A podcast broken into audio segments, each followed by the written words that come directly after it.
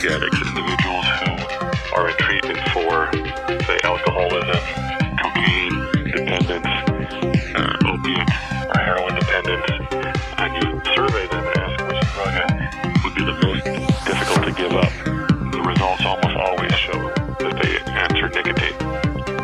Nicotine stimulates receptors in the brain that are associated with reward. There's some of the same receptors that are associated with other types of. Addiction,